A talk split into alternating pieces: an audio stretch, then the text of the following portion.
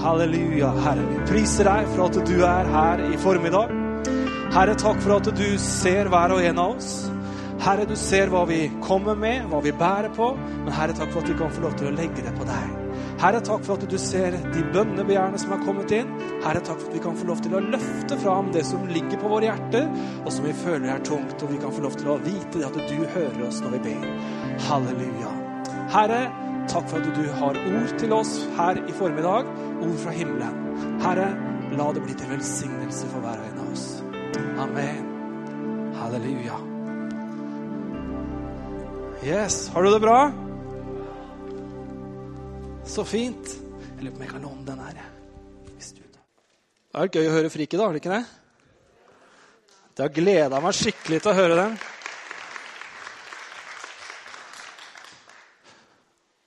Jeg har det privilegiet å få lov til å være sammen med dem. Eller være en del av fellesskapet her på fredagene. Du vet, Det er helt utrolig, altså. Du tenker Noen ganger så er fredag en sånn dag som du bare tenker at åh, nå er jeg sliten. Så går jeg hjem og så sitter jeg i sofaen, og så ser vi gullrekka, eller hva de nå kaller det, og så er det litt sånn slakt. Og så bestemte jeg meg for Jeg fikk gleden av å være med på leir i sommer med Frik. Og, og, så våre ungdommer og ungdommer fra flere ulike sammenheng virkelig få møte Jesus. Så det, det er jo et kjempeprivilegium. Og så fant jeg ut at fredagene framover skal jeg være med her. Og hver fredag nå så er det ungdommer som har sagt ja til Jesus. Hver fredag så får man få lov til å be for noen. Og man kjenner jo ikke bare at du får lov til å velsigne noen, du blir jo veldig velsigna sjøl òg. Det er et fantastisk høydepunkt det å være her en fredag og være sammen med voksne og unge. Så det er sånn Yes, det, det er virkelig en glede. Yes, eh, Solveig har snakka litt om hun gjøre ting som hun ikke kan. Og jeg må vel ærlig innrømme at uh, dette er ikke det jeg har gjort mest heller. Uh, så jeg tenkte at jeg skulle dokumentere litt i dag. Kan jeg få litt lys på salen sin hvis du drar de der, der så jeg får lov til å se? Sånn. Da har vi tatt dokumentasjonen. Send. Ja. Flott.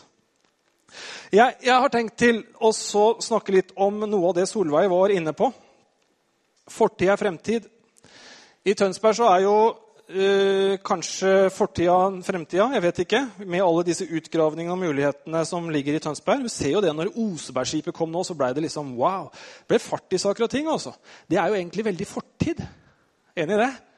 Osberghaugen langt oppe i Lende her, liksom når vi en gang kunne ro helt opp dalen der, oppe i Slagendalen, det, det, er litt sånn fremtid plutselig blitt i Tønsberg. Og det er vel ikke alle som er like glad for framtida. Jeg vet at I enkelte deler av Tønsbergs nedre deler så har man gravd mye på nattestid og hvor ikke man kunne se at man grov.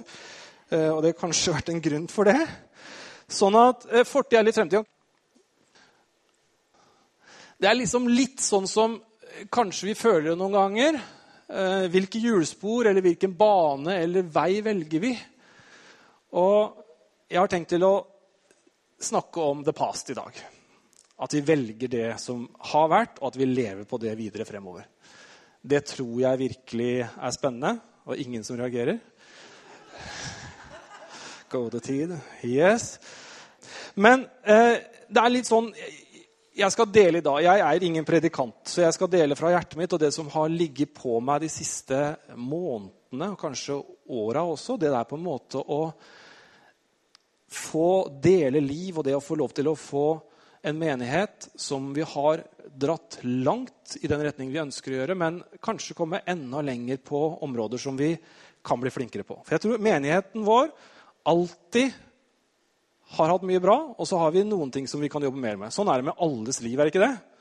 Og Jeg tror ikke dette er ensbetydende med vårt, vår menighet, men det har med alle menigheter å gjøre. Jeg har i noen sammenheng snakka om eh, Lukas 9,62.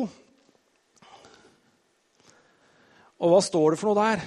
Og Der snakker Jesus han er kjemperadikal. og så han snakker om å forlate alt osv. I vers 62 så, så står det at men Jesus svarte ingen som har lagt hånden på plogen og ser seg tilbake, er skikket for Guds rike.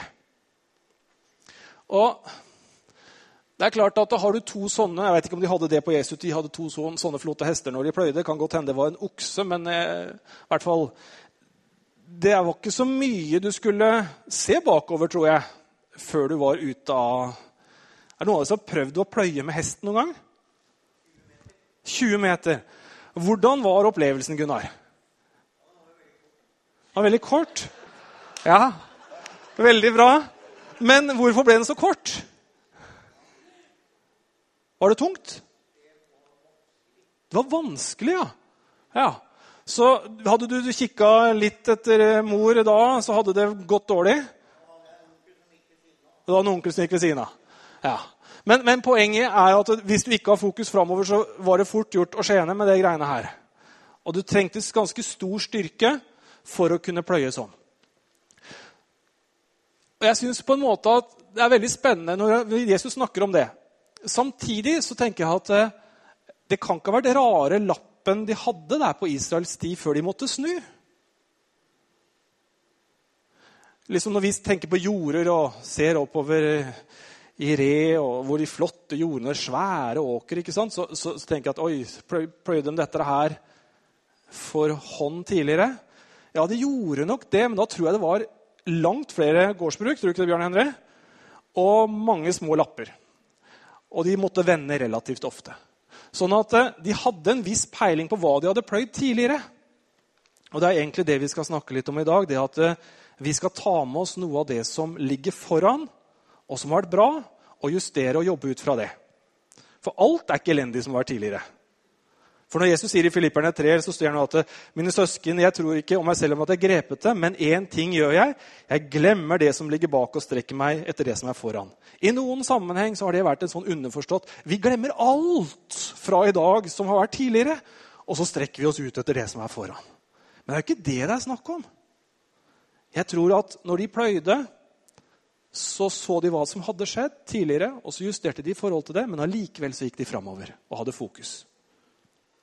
Og Hvis du tenker på at det er Gud som trekker i oss når vi pløyer, for å si det sånn, og forvent litt av de tinga i livet vårt som kanskje ikke var så bra, og får lagt til rette for at vi pløyer ny mark At det er nye muligheter når de pløyer nå i høst. Nå er det vel ikke lov til å pløye, eller i hvert fall det er ikke så lurt å pløye på høsten, har jeg skjønt. Fordi at man eh, skal gjøre det på våren. Stemmer ikke det? Delvis, ja. Halvor, han har greie på det. Yes, det er, det er, noen greier der med noe tilskudd og noe sånne ting. Og at man med noe utrenning osv. Det kan i hvert fall se sånn ut i Vestfjorden der jeg bor, for der er det rimelig brunt. Når det var mye brunere før enn der nå. Men i hvert fall så er det noe med at det å legge til rette for vekst gjør at du må vende om på noen ting. Og høst er jo høst, og jeg har tenkt litt sånn at eh, vi har gode erfaringer, vi har dårlige erfaringer, men la oss ta med oss det som er bra inn i den høsten vi går.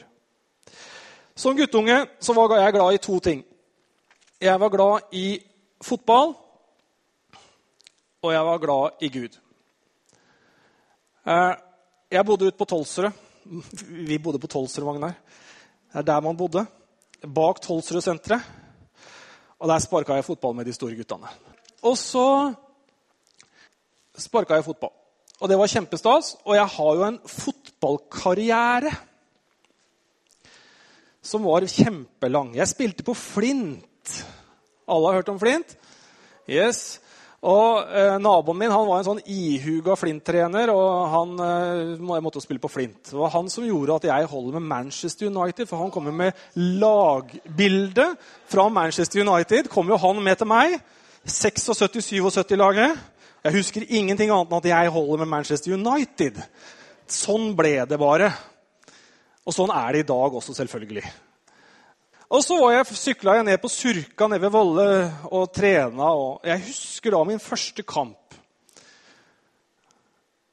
Og jeg spilte i forsvar. Og ble bedt av treneren om å stå der ved 16-meteren. Og jeg sto der. Og hadde jo ikke skjønt bæret av dette med å være i bevegelighet i en viss sone. Hadde ikke skjønt noen ting. Jeg var sju år, tror jeg. Han bare sa 'stå der'. Og jeg gjorde jo det. Var jo lydig gutt, må du tro. var jo en ung kristen mann og var lydig og sto der. Og jeg husker ennå hvordan han kjefta meg huden full for at jeg ikke hadde større bevegelighet der på høyresida i Forsvaret. For å si det sånn, når jeg gikk gjennom albumet mitt nå her før jeg skulle preke Jeg fant ingen bilder av Einar Myreng i flintdrakt. Ingen! Og jeg husker ikke noen fotballkarriere etter å ha blitt skjelt ut av denne, dommer, av denne treneren. Ingenting. Men jeg husker at jeg fortsatt syns det er gøy å sparke fotball. Men eh, ikke sånn som det var der. Men jeg hadde et annet fokus. Nå kan du få lov til å vise kista. hvis du kan dra den fram. Flott. Er ikke den fin? Den var jeg oppe og tok bilde av hos moderen og faderen i går. Og det er jo en sånn som jeg helt klart dere som kjenner meg, ville hatt hjemme i stua.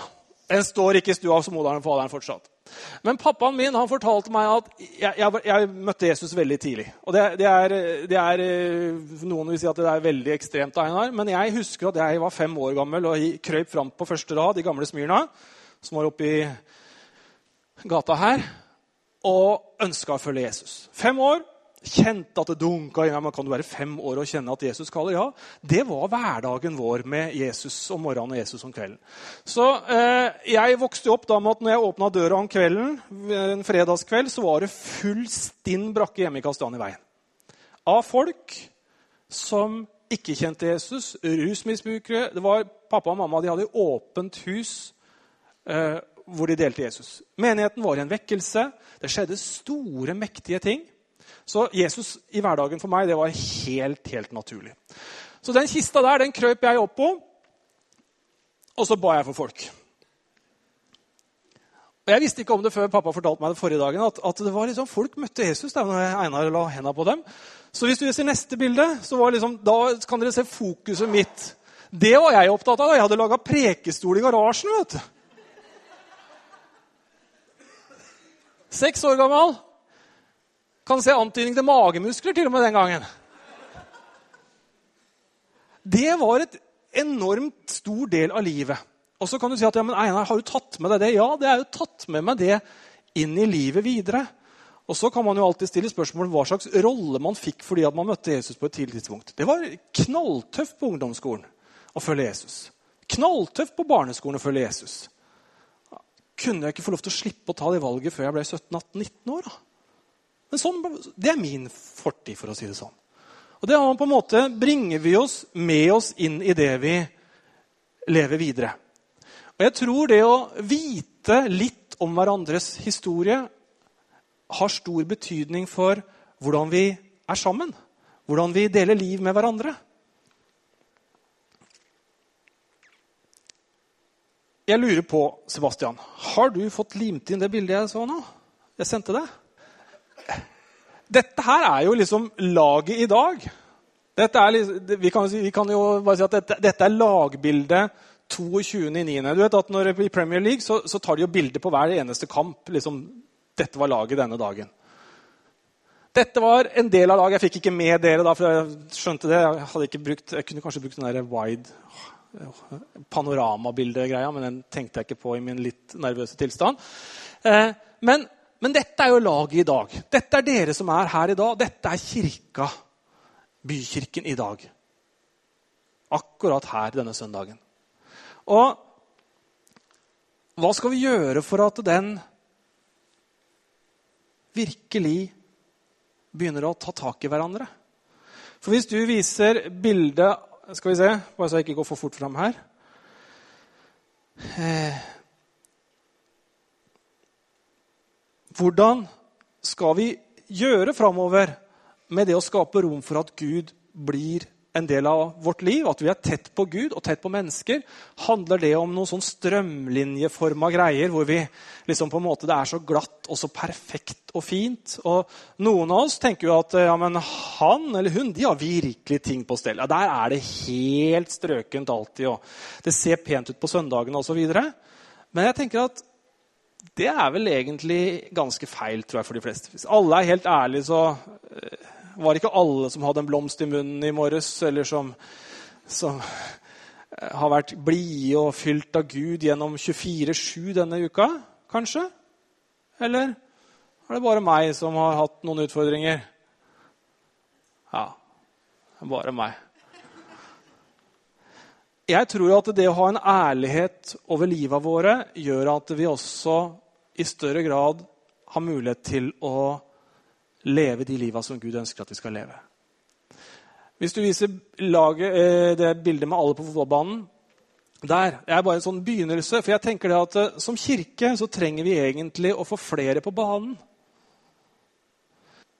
Det å være og tro at det er lagledelsen som gjør kampen, det tror jeg vi alle vet at det er det er ikke sånn det er. Det er liksom ikke laglederen de tar bilde av før en kamp. Han kan hende han får lov til å stå på høyre side eller venstre side og så få liksom bli med på laget, men det er jo laget der ute som, som gjør jobben.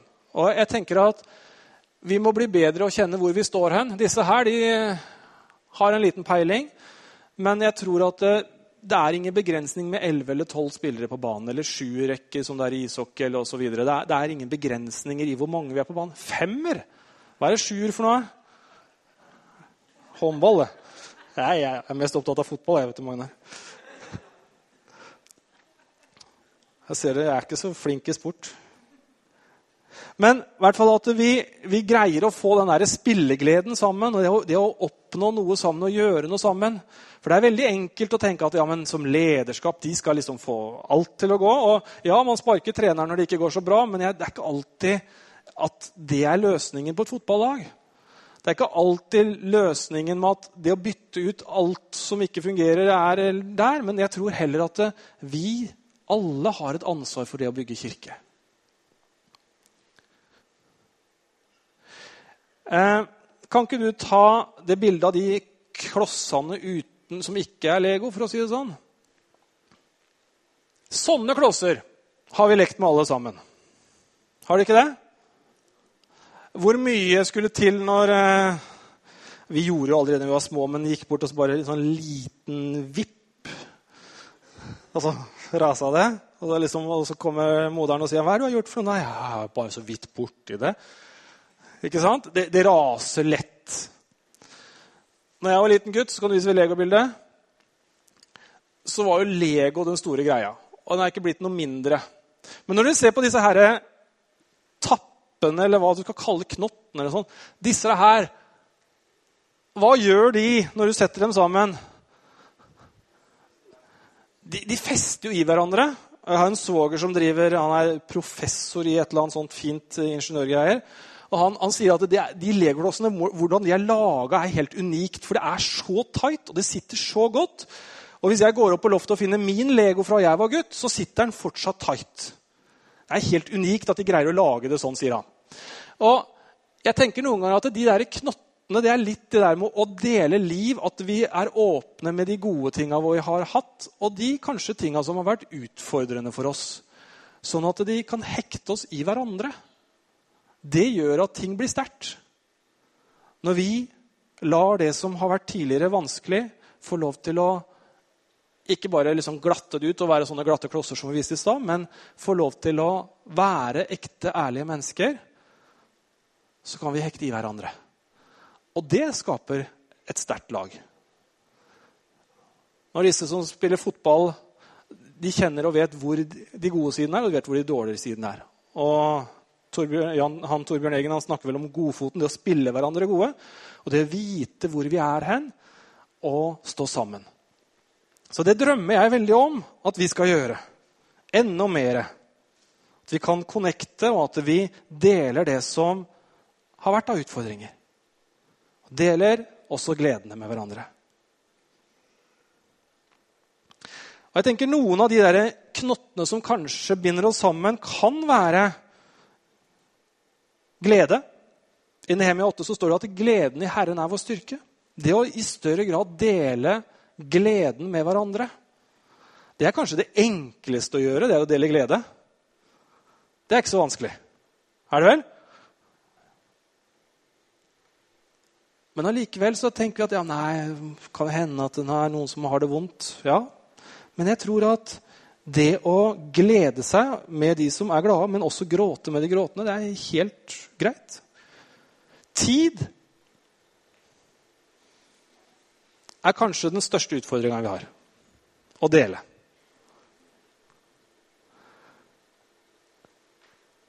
Er det noen som har hatt litt dårlig tid denne uka her? Et par stykker som har følt at det har liksom vært litt hektisk? Som kirke så tenker jeg at vi må prøve å skape rom for at hver og en av oss har tid til både oss sjøl som mennesker, men også tid til det å tjene Gud. Ikke for at kirken skal være så fancy, men for at du skal få lov til å være en del av det som Gud ønsker at han skal gjøre og få lov til å være i livet ditt.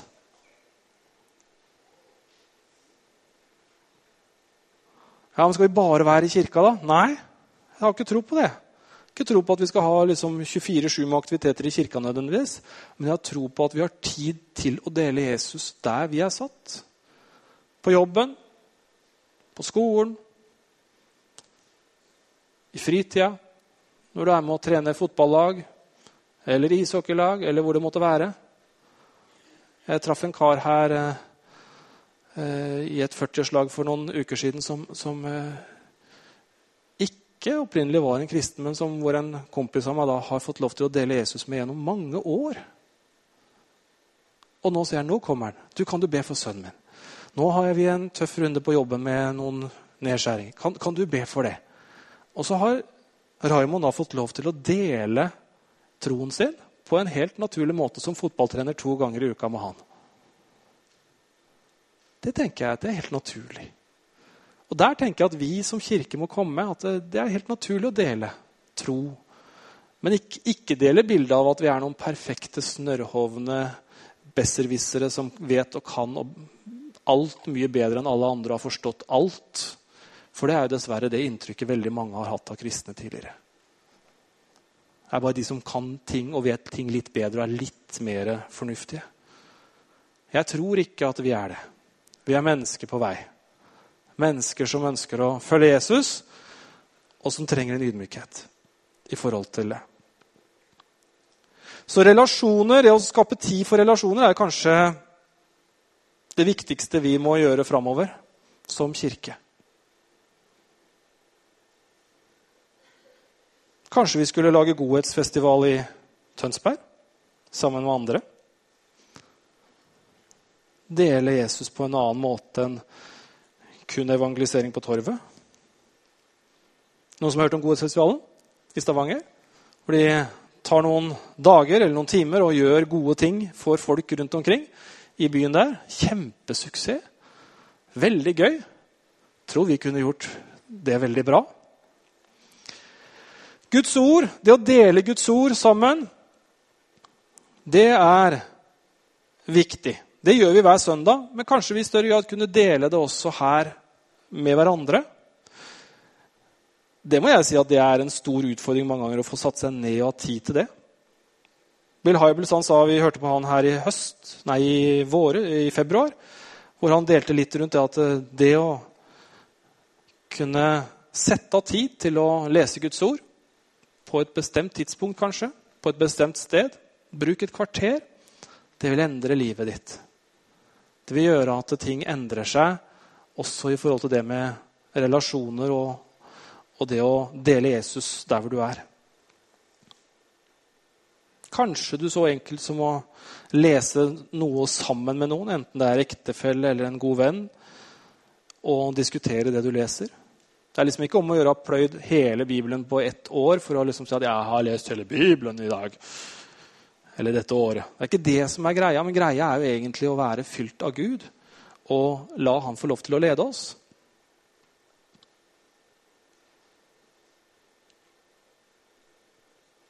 Ber vi nok? For oss som vokste opp på 90-tallet, så var liksom, det var nesten eh, konkurranse om eh, det å be nok og be mye. Vi hørte her for et par søndager siden at liksom det, var, det, var, det det sto om, og det å be lenge, lenge. Og, og vi skjønner jo mange ganger at det, det er utfordrende å skulle be 24-7 hvis du skal ha familie og ha jobb og sånn. Men jeg tror det å sukke til Gud, det å være barnslig når vi møter ting, det å være ærlig på ting som vi har, Eh, møtt, og som vi møter, er viktig å kunne legge fram for Gud. Det er ingenting som er for lite, og ingenting som er for stort. Men det skaper også et rom for at Gud kan tale inn i våre liv.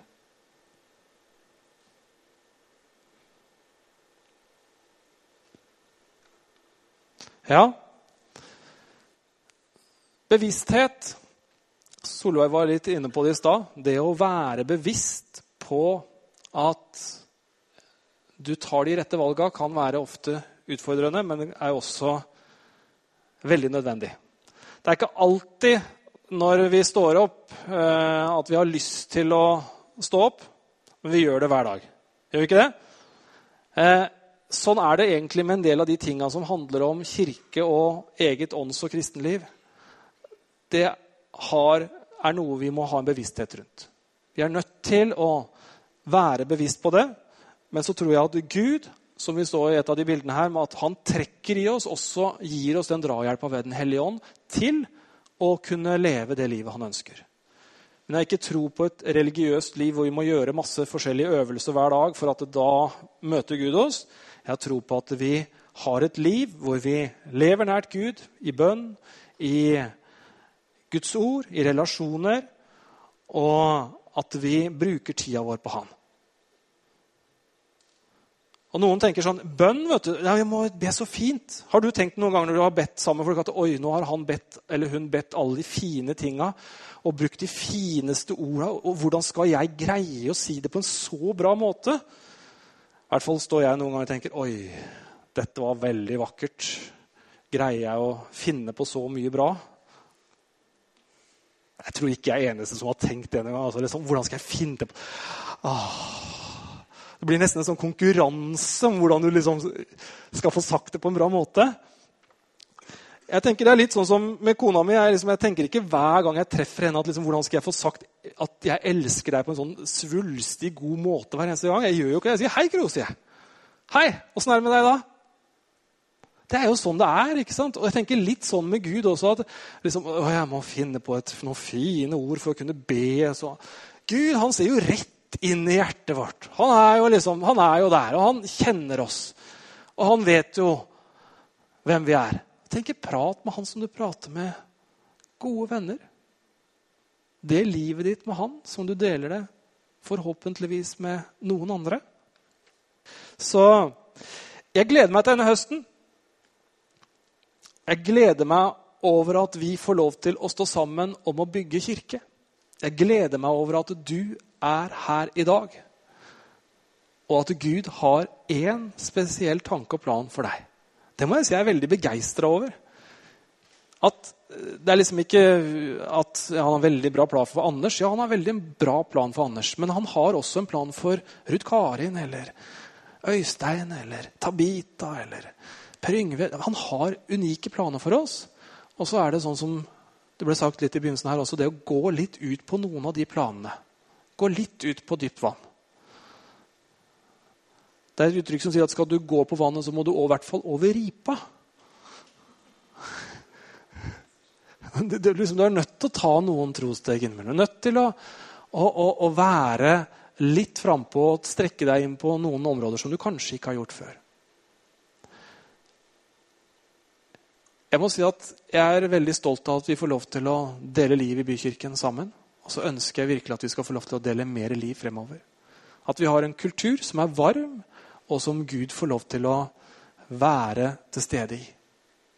Det krever at når vi går ut i dag og i kafeen, så, så, må vi passe på at ingen sitter aleine.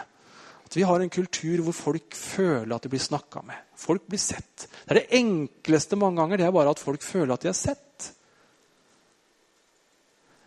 Ja, men 'Jeg orker ikke i dag. Jeg skulle bare prate med den og den.' Ja, men Begynn å tenke deg at ja, men kan jeg invitere noen hjem. Kan jeg få lov til å gi noe? Kan jeg få lov til å velsigne noe? Vi hadde gleden av Scott Wilson her eh, en torsdag. Ledertime. Kjempedag. Eh, fantastisk å være sammen med han. Og så sier han bl.a. rundt penger. Da, så sier han ja, jeg har slutta å gi tiende. Og jeg må si at jeg, jeg så sikkert ut som jeg det ramla ned liksom helt for meg. I hvert fall tenkte, har du slutta? Finner du noe belegg for det? liksom? Men, men for, for, å gjøre en lang historie kort da, Han sa at jeg elsker jo egentlig å kjøre en veldig flott bil. Han, han likte BMW veldig godt. Eh, men jeg har slutta å kjøre BMW, for de pengene der, de ønsker jeg bare å velsigne noen med. Det, det hadde kosta meg den i måneden. Jeg ble veldig sånn inspirert og tenkte at ja, han hadde skjønt noe. Han, hadde, han ofra noe for å kunne yte og gi i noen annen sammenheng. Jeg sier ikke at du skal gjøre det, men jeg sier at han hadde en, et ønske og en brann etter at Gud skulle bli så stor i hjertet hans at han kunne få lov til å dele. For det hadde han hadde en takknemlighet til Gud. Jeg tror at vi har mange områder i livet vårt hvor vi kan få lov til å si at vi strekker oss litt lenger enn det som er komfortsonen vår bestandig.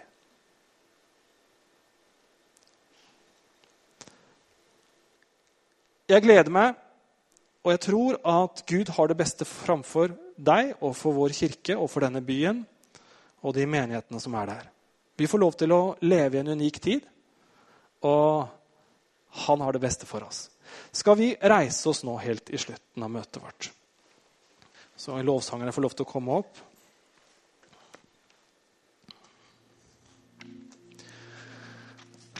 Skal vi gjøre det så enkelt her i formiddag at hvis du ønsker å bli bedt for,